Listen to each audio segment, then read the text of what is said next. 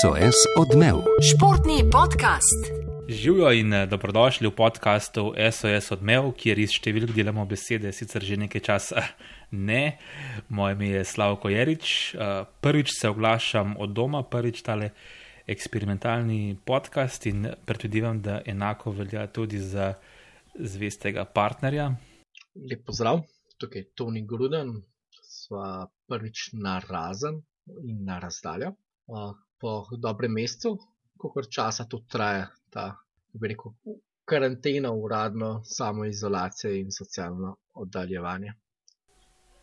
Pa še nekaj časa, približno toliko časa ne bi trajalo, mimo grede, da nadaljujemo novejšo tradicijo izredne razmere, morda tudi kakšen izreden vzdelek? Ne. Ne spomnim se, več ne družim se, pa ne dobim no, ne ideje, ne navdiha, ti mi ga še ne podeli. To je problem. Veš, ko si rekel, ne ideje, ne navdiha. Uh, oba sva športna novinarja, oba sva hkrati delava na našem portalu RTV Slovenija tudi druge vsebine in uh, moram priznati, uh, da je v tem športnem zatišju, um, na Ameriko, da me kar min, malo minilo športno novinarstvo, da imam pretiravam, ampak uh, je pa čutiti pri meni manj nekega elana in hkrati tudi zanimanja, kaj se sploh dogaja. Ja, se, se nič ne dogaja. No. Mislim, um, jaz znam, da imam, imam tudi neortodoksne ideje, kot je, da bi ukinili šport. Uh, ne, pač če, če ni športnega dogajanja, potem kaj, kaj, kaj nas, kako bi rekel, zanima. Zdaj lahko samo razpredamo, ugibamo in pišemo o tem.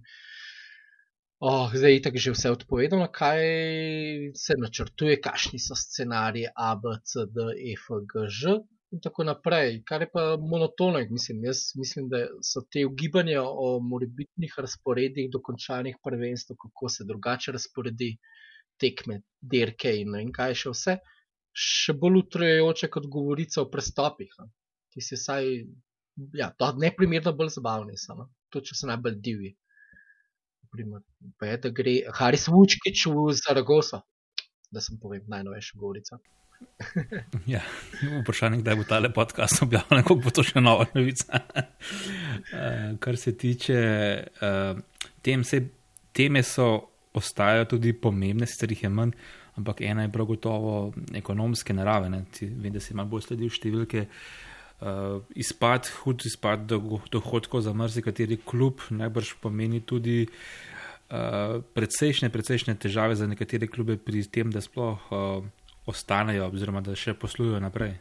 Absolutno, mislim, da to pa je ta tema, ki je v bistvu najbolj pomembna, hkrati pa mogoče še bolj duhomorna za razpoloženje. Uh, da svet športa ne bo, res ne bo takšen, kot je bil do zdaj, ker eh, igra se za gledalce, pred gledalci, gospodarstvo bo utrpelo pošten udarec in seveda se bo pošteno prihranilo pri uh, in, investicijah in sponsorstvih v športu, kar eh, je pomembno za Slovenijo, ker v Sloveniji vseeno. Poslovni model športa ni, ni ravno odvisen od števila gledalcev na tribunah. Ha? niti od eh, medijskih pravic, ampak po eni strani smo pa le delček mehen uh, evropskega širšega prostora, v katerem pa je vse odvisno tako rekoč od tebe pravic. Raztoče vsote medijskih pravic so gnale predvsem to nogometno revolucijo, ki je povzila skoraj vse športe, ampak tudi v drugih športih. Ha. In zdaj so že problemi, številni lastniki TV pravic ne izplačujejo več eh, svojih rednih mesečnih obrokov, kar je poenostavljeno logično, če tekam ni.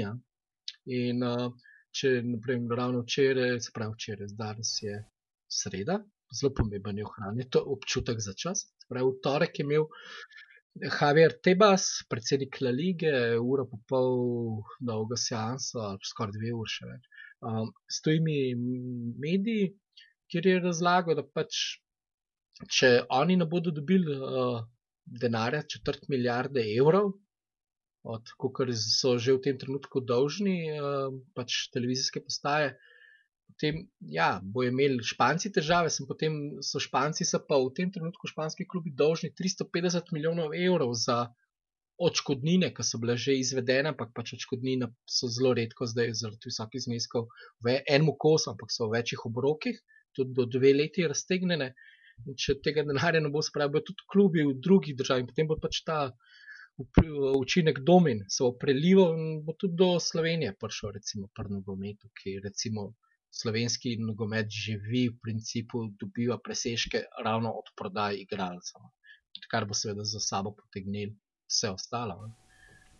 Ja, hvala vredno je sicer brati recimo novice iz Španije, kjer so prihodki recimo v največjih klubih res veliki. Res je lepo brati, da so recimo zvezdniki Barcelone, Atletika in tako naprej bili pripravljeni za 70 odstotkov spustiti svoje plače, da recimo tisti s precej nižjimi plačami, ki skrbijo za stadion in tako naprej, da imajo približno enako plačo.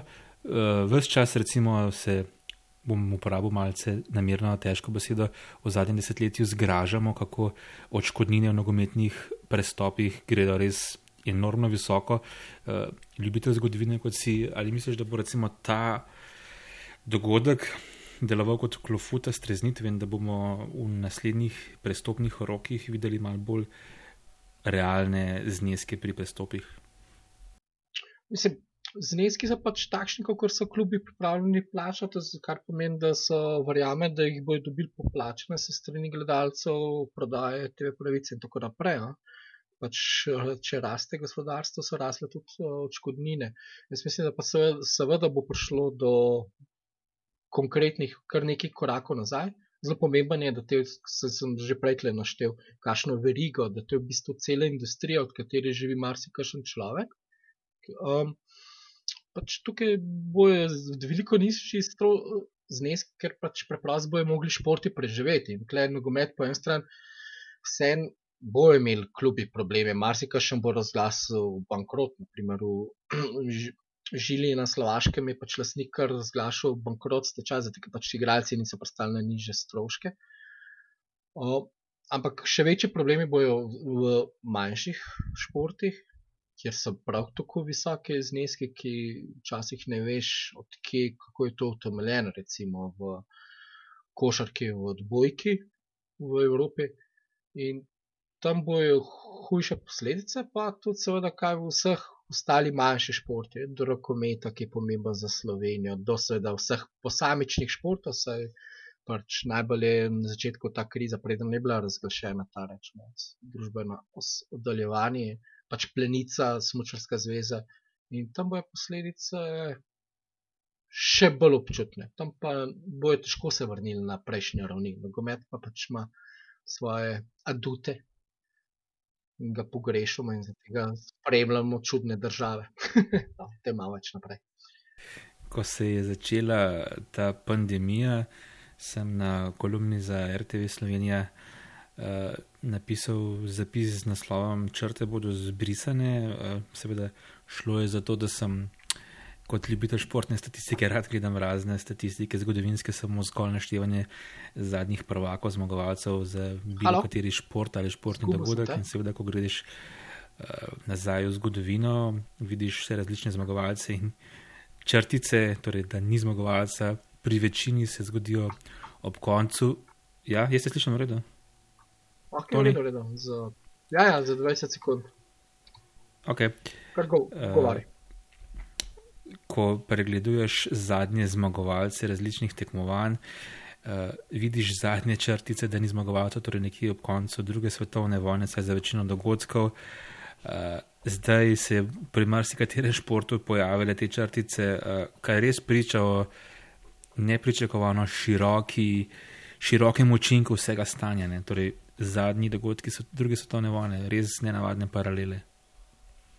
Ja, v bistvu, če gremo dol podrobno pogledati sam šport v čase druge svetovne vojne, tako znotraj Evrope, ki je bila najhuje prizadeta, je ta celina, kot seveda druge celine, Avstralija v Amerike, kjer pač ni bilo neposrednih bojev. Vidimo, da se je dogajalo neprimerno več športa kot zdaj. Če gremo še nazaj do prve svetovne vojne, ker je bilo mogoče celo bolj univerzalna prekinitev športnih dogodkov, zlasti govorim zdaj za Evropo, recimo, da takrat se je ravno šport sprofesionaliziral do prve svetovne vojne. Pač, ja, ugotovimo, da dejansko takega dogajanja, do takega športnega mrtvila v sodobnem športu, v tem rečemo v sodobni olimpijski eri, ni bilo. To je pač dejansko nedoživeta zadeva, da dejansko na razen v štirih, petih državah na svetu ni športnih tekmovanj, prvenstv, bojev. Vem, da si delal, eh, enkrat si, oziroma še boš objavil tudi članek, kaj se je dogajalo med drugo svetovno vojno.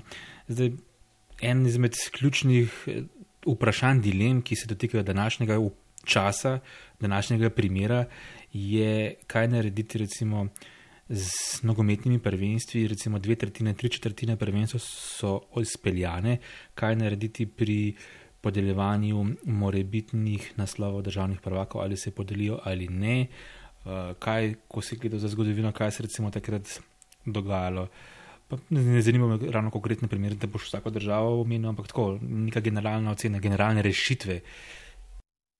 Ja, no, po eni strani, se, če izviramo iz svetovnih vojn, zlasti iz druge svetovne vojne, v bistvu je začetek bil glih takšen, da se, so se prvenstva še niso začela, ali so se pa ravno začela. Se veš, vsi vemo, da se prva, druga svetovna vojna začela pač na prvi šolski dan. in pač v, v Angliji je vodil, mislim, da sto odstotnim izkupičkom Arsenal po ne, parih krogih, ampak noben se ni razburjal, s tem pač je bilo prvenstvo prekinjeno in odpovedano. Zdaj je situacija dosti drugačna, zaradi, sam si rekel, dve tretjini, tri četrt prvenstva je bilo odigranih. Um, težko v bistvu ene paralele vleči. No, mogoče Italija ima še največ takih primerov, ker je recimo že med prvo svetovno vojno prekinila prvenstvo uh, 16-17 in v katerem uh, pač je bilo v bistvu že odigranega več kot polovica prvenstva, pa pač uradno niso podelili pr, uh, prvaka. Maj pa me oni zanimiv primer iz druge svetovne vojne, ker v Italiji pač oni so veselo igrali, kalčo večino časa, ni manjkalo, v bistvu sem 44-45, v bistvu dva prvaka. In še to so leta 2002 dodelili speciji častni naslov prvaka. Naprimer. Tako da mogoče bomo pa častne naslove prvaka delili čez v roku parih let, no. zdaj smo vse malo bolj hitrejši, vse se hitreje dogaja. Zakaj umeniš glih Italije? Italijo in častne naslove, ne? gotovo si videl novico, idejo, peticijo, da bi ne rekel častni naslov, ampak prav regularni naslov pripadal Atalanti. Ne? Ja, sem videl, sem mislim, da pač to ne, ne gre, če ne bo šlo česa. To je pač le peticija. Um, pač dileme bojo. Jaz mislim, da vsa ugibanja, kako razples, kako izvest, nimajo smisla, dokler še pandemija seveda traja. Um, Naprimer, kaj, zelo zanimiv primer, naprej Nemčija, spravi, spravi uh, agresivci, spravi uh, nacistične države, ki so bile glavne protagonisti, druge stanovanja so veselo igrale šport. In uh, Nemčiji so bili, imajo celo tako, da uradno manjka samo ena sezona, 44-45, pa še ta je bila prav tako prekinjena, kar krepko, pač na polovici. Ja. In večino v tej eri je naprimer, bil prvak Šalke, bil šestkrat prvak. Zanimivost iz tega vojnega obdobja je tudi, da je bil nemški prvak in je uradno nemški prvak Rapid Dunaja, pač, ki je bil priključen, ki je bila Avstrija priključena Nemčiji. Um, manj je bilo pač daljše prekinitve, so bile seveda pač v Angliji, Franciji, vseh. Tudi Španija, pač, ki ni bila udeleženka druge svetovne vojne, pač imela svoje prekinitve veliko v času španske državljanske vojne 36-39. So pa odigrali vse v, spravi, v, v času druge vojne, so pa odigrali vse svoje prvenstva, kjer so zmagovali zanimiv baski. Hm. Tudi. Zdaj je ena velika razlika med tema dvema obdobjema. Mislim, razlik je precej več. Razlik je. Uh, ja. Razlik je ogromno. Ena izmed bolj zanimivih, mislim, zanimivih. Uh, da takrat, pač po drugi svetovni vojni, je bila vse splošna uh, zaustavitev, ljudje so bili pač seveda uh, tako ali drugače poškodovani, psihično, fizično, manjilo ljudi in seveda to je pomenilo tudi neke vrste zaustavitev oziroma počasnejša, po, počasnejše vračanje v neke normalne tirnice, če se lahko temu tako izrazim. Zdaj, danes, ko se, bo, ko, ko se bo danes vse to skupaj končalo, oziroma čez nekaj tednov ali mesecev, seveda velika večina športnikov uh, na srečo, na srečo ne bo huje poškodovanih ali umrlih, iz tega stališča je neka razlika. Ne? Zagotovo, zdaj pač aktivacija bo veliko hitrejša, stvari se bojo lahko spremenile, se za tega pa se pripravljajo razni scenariji, se po eni strani, ki bi rekel, vodje tekmovanj, zveze, združenja, pač nekaj tudi more početi, morate to ali delati od doma, se pravi, more malo tuhtati o možnih kombinatorikah. Um, je pa zanimivo, glih pač ta čas uh, druge strane vojne, pa tudi prve, naprimer pri meni ljubim biciklizmu, kolesarstvo, odpadli so Grand Touri, pač, kar je pa enostavno logično, ker so tri tedenski. Uh, Medtem ko uh, spomeniki so bili pa bolj ali manj izvedeni. Ja. So v bistvu samo v najhujših vojnih letih manjkali. Primer, en lep primer je Liež, Baston Liež, ki je bil 45 let, se je vojna glih zaključovala aprila, konec niso mogli izvesti, ga pa zato jeseni speljali medtem ko Pari Rubek, ki, ki bi mogel biti zdaj to nedeljo, spravi drugo aprilsko nedeljo, pa je bil leta 45 redno izpeljan. Nima pa manjkajo med 40 in 42. Lombardija je bila vsa leta potekala, pa tako naprej. Uh, medtem ko pač uh, tu Giro so imeli pa pauze med, tako med prvo svetovno in drugo svetovno vojno. Zdaj biciklizem, kolesarstvo v zadnjem času pri slovenskih ljubiteljih športa zelo priljubljen. Seveda, zdaj smo v obdobju iskanja nekih rešitev, idej, ko smo pri teh eh, več tedenskih dirkah. Sem slišal dve zanimivi stališči. Ena je ta, da bi morda izvedli en sam Grand Tour, torej vsak teden za eno državo, druga ideja, druga ideja pa je pač nekako vidim stališče največjih kolesarskih veljakov, da pa si za vsako ceno želijo izpeljati tur.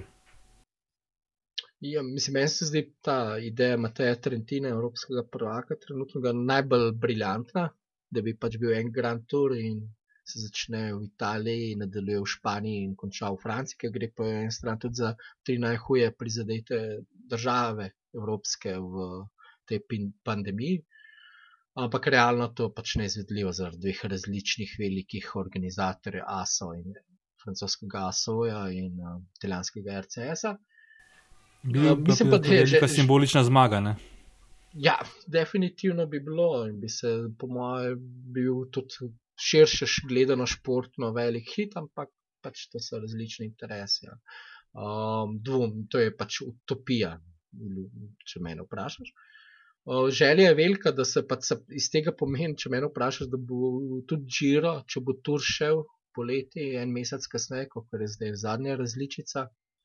Um, bodo hoteli ga tudi italijani izpeljati jesen, ne bi rekel, skoraj za vsako ceno. Za, kot pomemben, enako pomemben simbol, sploh za severno Italijo, ker je pač Giro, severna Italija ima še poseben status ki je pa spet najbolj prizadet. Pač gre spet, gre, gre za ogromno simbolike, saj šport je preslikava življenje in simboli so pomembni, ja, sploh v teh nenavadnih čudnih časih. Um, Boje pa lažje te spomenike lahko predstavljati. No?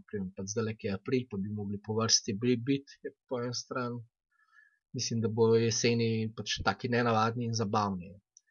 Um, je pa naprimer, lahko gremo še na drug velik, ki je še večji, globalno, so rečemo tenis in Grand Slam. Ja, ja točno to sem hotel reči, ko, ko si omenil predstavljanje. Ne, uh, vidimo tudi različna soliranja, recimo organizatorji Roland Garoja so marsikoga spravili v jezen položaj, ko so recimo na zlasno pest uh, predstavili svojo zvedbo takoj za US Open. Ja, mislim, da zelo hitri so bili pri tem. No? V bistvu, poenostavljeno, taktično so odlično odigrali so, kot solerija. Uh, Wimbledon je bil pa, hočeš nočeš, ga je mogel odpovedati. In uh, oni, Wimbledon ima pauze med prvo svetovno vojno in drugo svetovno vojno, pač vsa leta. Uh, je pa zanimivo, pač, da New York, sem spet govoril o tenisu pred odprto ero, je bil New York, je bil vsa leta prav, uh, medtem pa Melbourne, v Avstraliji, kjer ni bilo vojne, pa so imeli prekinitve. Pariz ima pa druga zanimivost, pa to, da so pod um, okupacijo Nem Nemško iz, izvedli turnirje. Večino let, mislim, da sem eno leto manjka, 40, ampak uradno te zmagovalci niso predstavljeni. Potem je bil pa še zaplet leta 45, že po osvoboditvi, prav tako niso potli na koncu priznali um, naslova Ivona Petra, ki je pa tisto leto, mislim, leto kasneje zmagal v Wimbledonu. Zanimivo. Zgodovinski Tony Gruden. Ja, vse ta soliranja, iskanje različnih rešitev uh, odpre še eno zanimivo temo, po temo, prej si sam uh, dobro nastavil idejo, se zelo, zelo strinjam. Torej, vprašanje, kaj je šport in kaj je šport brez gledalcev. Recimo, primer iz lige NBA, uh, tudi tam se pridno v tem času zamrznitve razmišljajo, kaj bi lahko naredili in kaj ne. In ena izmed potencijalnih rešitev govori o tem, da bi preostanek sezone uh, zaigra, odigrali recimo na dveh, treh zaprtih lokacijah brez gledalcev. Tvoje mnenje? Ja, mislim, v sili še hudič žre muha. Um, pač, gledaj, spet, po eni strani so športi, šport v zadnjih dveh, treh desetletjih doživel to enormno rast, pač zaradi TV pravice in pač to bi bila rešitev. Se tukaj bomo rečemo, prturo je bila na začetku stališče ministrstva za šport, s katerim se pa rečemo prireditelj ni strinjal, da bi lahko ga izvedli tudi brez gledalcev, ker pač poslovni model tak, da je odvisen od TV pravice. Pa od gledalcev prek televizorja oziroma spleta kot videa. Um, ja, mislim pa, da ne, da v bistvu je še zmeraj gledalec na tribuni. Da mislim, tudi večina športnikov ne nasprotuje te ideje. Se je LeBron James jasno povedal, da to nima smisla. No, ravno LeBron James sem hotel upeljati v to igro. Uh, sam še preden se je zgodil, tako, recimo, lockdown, uh, vsega športnega dogajanja. Je sam rekel, ko je bila na, že takrat na papirju ideja, da se marca nadaljuje NBA brez gledalcev, je rekel, da to nima smisla. Uh, vprašanje pa je, kako bi odreagiral, če bi ta predlog potem zdaj, v zdajšnji situaciji, res prišel na mizo, uh, vemo njegove želje, kaj vse lovi, kaj si želi. Uh, če bi obrnil ploščo. Ne? Ja, seveda, da si pa ti moraš tako sebičnih lastnih vzgibov, kot ekipnih, kot ne na zadnje tudi širših liga, da preživi, da zaživi. Po eni strani, ja, lahko pač šport je sprostitev, je drugi svet za navijače, za ljubitele športa in po eni strani lajšaš. Če bi ko življenje imel, zamotiš se, lahko sprostiš tam. Da, seveda, daljša je karantena, več je lahko premisleka, več je raz, različic in drugih pogledov, ki ti tudi argumentirano povejo. Zakaj pa mogoče, če smo zdaj v teh izrednih časih, pa bi šel v šport. Naprimer. Zelo zanimiv primer se mi zdi, kje smo realno Danska, kjer je danska premjerka te dni napovedala, spravi, da bo po veliki noči, da se bojo vrtci in nižji niž razredi osnovne šole se bodo odprli spet. A po drugi strani je zelo jasno povedala, da do avgusta, saj do avgusta, ne bo nobenih množičnih javnih prireditev. Tako da, naprej, Karolina Voznjacki mu je predstavil svoj poslovilni dvoboj, Kevenhavn. Mm, še nekaj, recimo, nov vidik uh, danes, premravi, že iz primerjavi z desetimi leti, kaj še le desetletje poprej, velik preboj tehnologije, tudi v tem, sva, tem podcastu, podcastu so večkrat govorili, kako si lahko športniki pomagajo s tem razvojem. Seveda se mi zdi v teoriji ta situacija odlična za prihodnost e-športa. Videli smo kar nekaj uh, bolj ali manj zabavnih simulacij pravih športnikov na e-športih, tudi kolesarstvo, kar si kot ovo dobro spremljal. Uh, sam še vedno nisem največji navdušenec tega, kako pa ti gledaš uh, na te alternativne možnosti. Ja, uh, prišle so, zdaj so dobile pospešek, imajo v bistvu idealno priložnost, da se vidijo, ali so lahko uspešni ali ne. Žal, sam e-športov se pravi, igračarskih, igričarskih, kako je pravilno. ne. Uh, igre Da so. me ne bojo No, to vsi raztrgali. upo- Igre, opozarjajo, vem, da da so. niso igrice. No, to, to, to vsi vemo zdaj. No, okay. pa jaz sem kot meh zame, so še zmeraj igrice, se oproščam, no, glavno igre, računalniške, konzolne. Um, priznam, da ne spremljam, kakšne številke se vrtijo, če, če kaj porast. Edin, kar sem zapazil, je, da so neki se pritoževali, da zaradi Twitcha, se pravi online streamanja iger, da se krni internet, pa to sem jaz mislim, da je dosti večji problem pri internetnih hitrostih v teh časih. Uh, gledanje pretočnega videa, filmov, serij. No, bomo tega še malo obdelali, malce kasneje. Uh, če gremo pa če virtualni šport, je pravih športnikov, mi smo ta spravil ne, ne, ta vikend je virtualno, um, virtualni kolesarski spolnik po Flandriji, ki je bil močno skrajšen in okrnen. Na mesto tam 250 km je bilo 37 km zadnjih, samo pa 13 tekmovalcev. Zanimivo, da je bil lanski zmagovalec Betioli, bil tokrat zadnji, ki je prišel cel. Eden, eden je odstopil zaradi tehničnih težav na menjalniku, na trenažerju. Uh, ja, številke so bile spodbudne, no, vsaj v Belgiji, no, sem te spet drugače, v tej flamski božice reče, to je pač dejansko se zbere milijon ljudi ob trasi in zdaj ga je gledal, če 600, 680 tisoč uh, ljudi je gledalo v prenosu to dirko. Uh, potem tudi na spletnih platformah je vse kar spodbudne številke. No, tako da, mogoče ima eno prihodnost, po drugi strani to je bilo pač prvi kratek preizkus. No. Tako da, ne vem, kako bi ti gledal Wimbledon, virtualni Federer Nadal ali pa Federer Djokovic, pardon, na travi. E, To je malce š- eh, šaljivo Ja, vprašanje. no, dej. Ne bi gledal. bi tega, gledal. Ne bi, pa to se ne bi gledal. Prvič, prvič bi mogoče gledal, drugi, d, Okej, čez okej, 14 dni v, v New- Yorku pa ne bi gledal. A pa rečemo, prvič bi bil Roland Garros, potem pa Wimbledon. Ne vem, če bi gledal bak. No, moj, S- bom osebno. še- bom, bom raje odprl neko še zadnje vprašanje, preden uh, greva v zabavni zaključek. In sicer uh, na naši spletni strani sem prebral tvoj odličen članek, kjer je tudi čutiti male, malce tvojih hudomušnih pristavkov. Uh, sicer o Belorusiji si pisal, da tam šport ni zastal. Um, vem pa, da si malce preveril, da Belorusija uh, tudi nikakor ni edini, kaj bom rekel, tem otoček, kjer se šport še uh, dogaja. Seveda, ja. pač v tem času vse mm, nogomet teče po svetu, tudi vse države, nis, čisto vse države niso še, še upam, da ne bodo prizadete v pandemiji.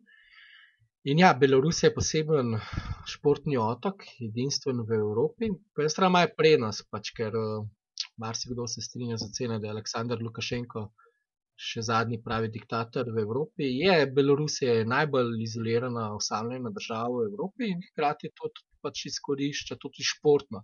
Sicer uh, koronavirus je prisoten, številke niso uradne spet, koliko je spet to, verjamemo, ne verjamemo, ampak recimo. Uh, niso zastrašujoče, življenje teče dosti normalno, uh, restauracija, šole, javno življenje poteka. In šport je zelo pomemben dejavnik, ker pač tudi sam Lukašenko je velik ljubitelj hokeja, zagrizen amaterski igralec. Mislim, da je vsak zasledil to njegovo izjavo, da pač najboljša zdravila sta šport, hokej in vodka za proti koronavirusu. Uh, Ampak ja, uh, v Belorusiji športa je napolna in uh, nogometna liga je zdaj postala pravi hit. a. Prodali so TV pravice, vidiš, zdaj imajo dohodek v marsikšno evropsko državo, tudi v Sloveniji. In je pač paradoksalno, da si lahko gledal vseh osem tekem, vse- vseh osem tekem, ko posameznega kroga lahko spremljaš v živo. So tudi oni prilagodili. Prej so imeli pa skupne termine, nekatere tekme, zdaj ima vsaka ločenega. Um, da, ja, po eni strani lahko se rečemo, to je Lukašenko, po drugi strani imajo ene, gre za manj gosto naseljeno državo. No, pač njihov eksperiment. Če so švedi pustili življenje, uh, dosti nemoteno, pa imajo zdaj določene težave z rastjo pandemije in žrtvami, pač to je njihov poskus, ki po eni strani pritegne svetovno pozornost, ki pa si jo želijo. No, imamo pa še seveda druge eksote, ko so tudi zanimivi, uh, Nikaragva, nogomet poteka na polno, tudi bejzbol. tam pa je kar prisoten, igralce tuje, je strah, da ostale latinoameričane, argentince, mehičane, kosteričane, ki igrajo v tej državi, je strah. So slike pretekmo, ko so vsi z maskami igralci, slikajo za to začetno enesterico, je malo res paradoksalno. To je pa pač isto, dejansko predsednik Daniel Ortega je poseben lik, ki še manj verjame znanstvenikom, kot še drug razupiti, bolj, dosti bolj razupiti predsednik. Hkrati pa njega ni na spregledu javnosti že skoraj zdaj že mesec pa pol. Naprimer. Potem imamo kaj, Burundi. Burundi ima, ja, Burundi ima malo primerov, pa prav tako je predsednik zagrizen nogometni navdušenec in je pač dal dovoljenje, zaukazal pa dal dovoljenje, odvisno kako se interpretira. Malo pa mogoče rečemo najbolj zdrav primer, je pa Tadžikistan, ki je začel prejšnji vikend s prvenstvom. Dejansko nimajo potrjenega primera, uh, tudi v HOP potrjuje, da imajo, da testirajo, da preizkušajo, imajo zaprte meje že več kot ja, en mesec, uh, nadzirajo, glavno, ni tekme so brez gledalcev in tako naprej. In zaenkrat so rekli, da bojo tekmovali. Tako da mogoče Tadžikistan, srednja azijska država, ima tudi svoje, rečemo, avtoritarne težnje, ampak recimo tam, da dejansko pač ni, nimajo še zabeleženih primerov, imajo varnostne ukrepe za igralce, za sodnike in pač igrajo. Drugač pa potekajo kakšni drugi športi, kot je na mizni tenis, v Belorusiji, Ukrajini in Rusiji. Kaj še? Kratki hokej v Rusiji. to je v eni, na eni tretjini se igra, veš, bolj za starce, tako za me bi to bil. Um, Kado sem videl, da se je zagnal. Tot, na primer. Mislim, da so uh, za tale prvi demo podcast, kar obdelala veliko tem, kaj se bo gotovo še postila za naslednje. Uh, Dogodivši ne verjamem, da tale ni edini to vrstni podcast, uh, pa preden greva na od javno debato, morda še vprašanje, kako se pa recimo tebi osebno spremenilo življenje, poleg tega pač, da tako kot jaz uh, ne hodiš več na delovno prostor, ampak od doma upravljaš in piševa za MMC novice. Ja, zdaj pač večino delam na jaz za zunanjo, tako da si kar malo pod vplivom, je kar sem stresno. Pač moram spremljati te številke, dogajanje, razvoj pandemije za kakšne druge dogodke. Um, drugač pa po eni strani se ne pretežujem, živim na deželi, tako rekoč v gozdu, sonce, zrak imam na voljo. Zdaj sem še sosedovo parcelo zasedel, ki je bila pač nenaseljena. Um, skvotar. Zameno, ja, skvotar, v zameno, da pokosim, uredim, malo smo se kjer razširili, da imamo za kakšna dodatna igrala in kakšne treparije. Um, na kolo grem še vedno po svoji krajovni skupnosti, zato ker živim. Kriška, kriška polžovska planota ima poseben status, tudi spodaj meščani iz Višnje gore ne smejo več gori k nam v hrib na hribe. Tako da zdaj kolesarjem samo po svoji, še niti ni krajovna skupnost, ampak po svojih dveh, treh vaseh delam kroge. Ampak je zabaven, ker ful spoznaš uh, gozne poti, pa tako naprej, ni slabo. Um, Da je, je znosno, vse je pomlad, sonce. Ja, je pa Ti? to. Uh, ne kolesarjem toliko, veliko se sprehajam, namreč tudi jaz živim popolnoma zraven gozda, ni skoraj da ni ljudi, ne srečujem skoraj da no, nikogar, če seveda v varni razdalji. To je res velika prednost, se mi dozdeva v primerjavi recimo z življenjem v mestu, kjer predvidevam, da je precej več ljudi, ki si želijo na te lepe dneve res zadihati svež zrak. Ehm, Obama otroke ve, da to tudi malce bolj zakomplicira in vrčovske in šolske obveznosti, ampak uh, gre in uh, ne morem verjeti, da je celo neka pozitivna posledica vsega skupaj prišla, morda tudi na račun prihranka dveh ur vožnje na dan in še kaj več, uh, da sem celo uživel malce več uh, gledanja poznih urah kakšnega filma ali serije, uh, kar pa je za nekdanjega filmskega recenzenta kar lepa nagrada. Ja, jaz se strinjam, ja. najdeš še čas. Mi, jaz sem lahko naučil svoje otroke, da lahko mi dva za žena pogleda sredi dneva, kakšno krajšo stvar, recimo po kosilu, pa oni ne težijo za televizijo, ampak se igrajo zunaj, ampak je drugega ustvarja. Da, um, dejansko je več časa, tudi zase. Paradoksalno. No, in za konec sva si rekla, da bova uh, si povedala, kaj sva morda kaj prebrala, pogledala film ali serijo. Moram priznati, da kot velik otrok uh, sem navdušen z nekih filmskih vesolij, znanstveno fantastiko, predvsej filmov, recimo Marvelovega uh, vesolja sem si pogledal. Edino, kar mi je manjkalo, je bil recimo Stotnica Marvel, zdaj sem si jo ogledal. Iz konkurenčnega vesolja DCU sem si pogledal Aquamena, pač take malce bolj zabavne zadeve z nehudo umetniško vrednostjo. In uh, vse bolj spoznavam in oživljam ljubezen do kiberpunka. Uh, tudi v številkah sem večkrat govoril, v filmih kot so Matrica in Blade Runner. Vzel sem si čas in sem si pogledal uh, neko novejšo varianto Alita, Padli Angel. Uh, Oziroma, bojniški angel, uh, ni me ravno navdušil, ampak v teh časih, uh, ko tudi jaz veliko pišem o koronavirusu, pa je prijetna osvežitev. Eh, pa morda še spomin uh, na podkastu Oboc, uh, je bila pred kratkim epizoda o Watchmenih, torej o varuhih. Film sem si pred leti ogledal, mi je bil zelo zanimiv. No, zdaj sem si pa začel še gledati to serijo na HBO, sem približal na polovici in uh, te neke zgodbe paralelnih, usporednih, potencialnih vesolj me vedno vržejo neko neverjetno vzdušje in ja, tudi serija Watchmen mi je nekaj takega naredila. Pa ti? Um, ja, jaz sem pa kar uh, dosti po športu vsega ostal. Uh, zdaj, na srečo, uh, končno uh, sem začel gledati uh, serijo Apache, se pravi o Karlitos Tevezu. Aha, super. Uh, dejansko je, ampak je dejansko za, za začetek pa to prve, to v bistvu bolj narkos scena, pač o njegovem zahtevnem odraščanju.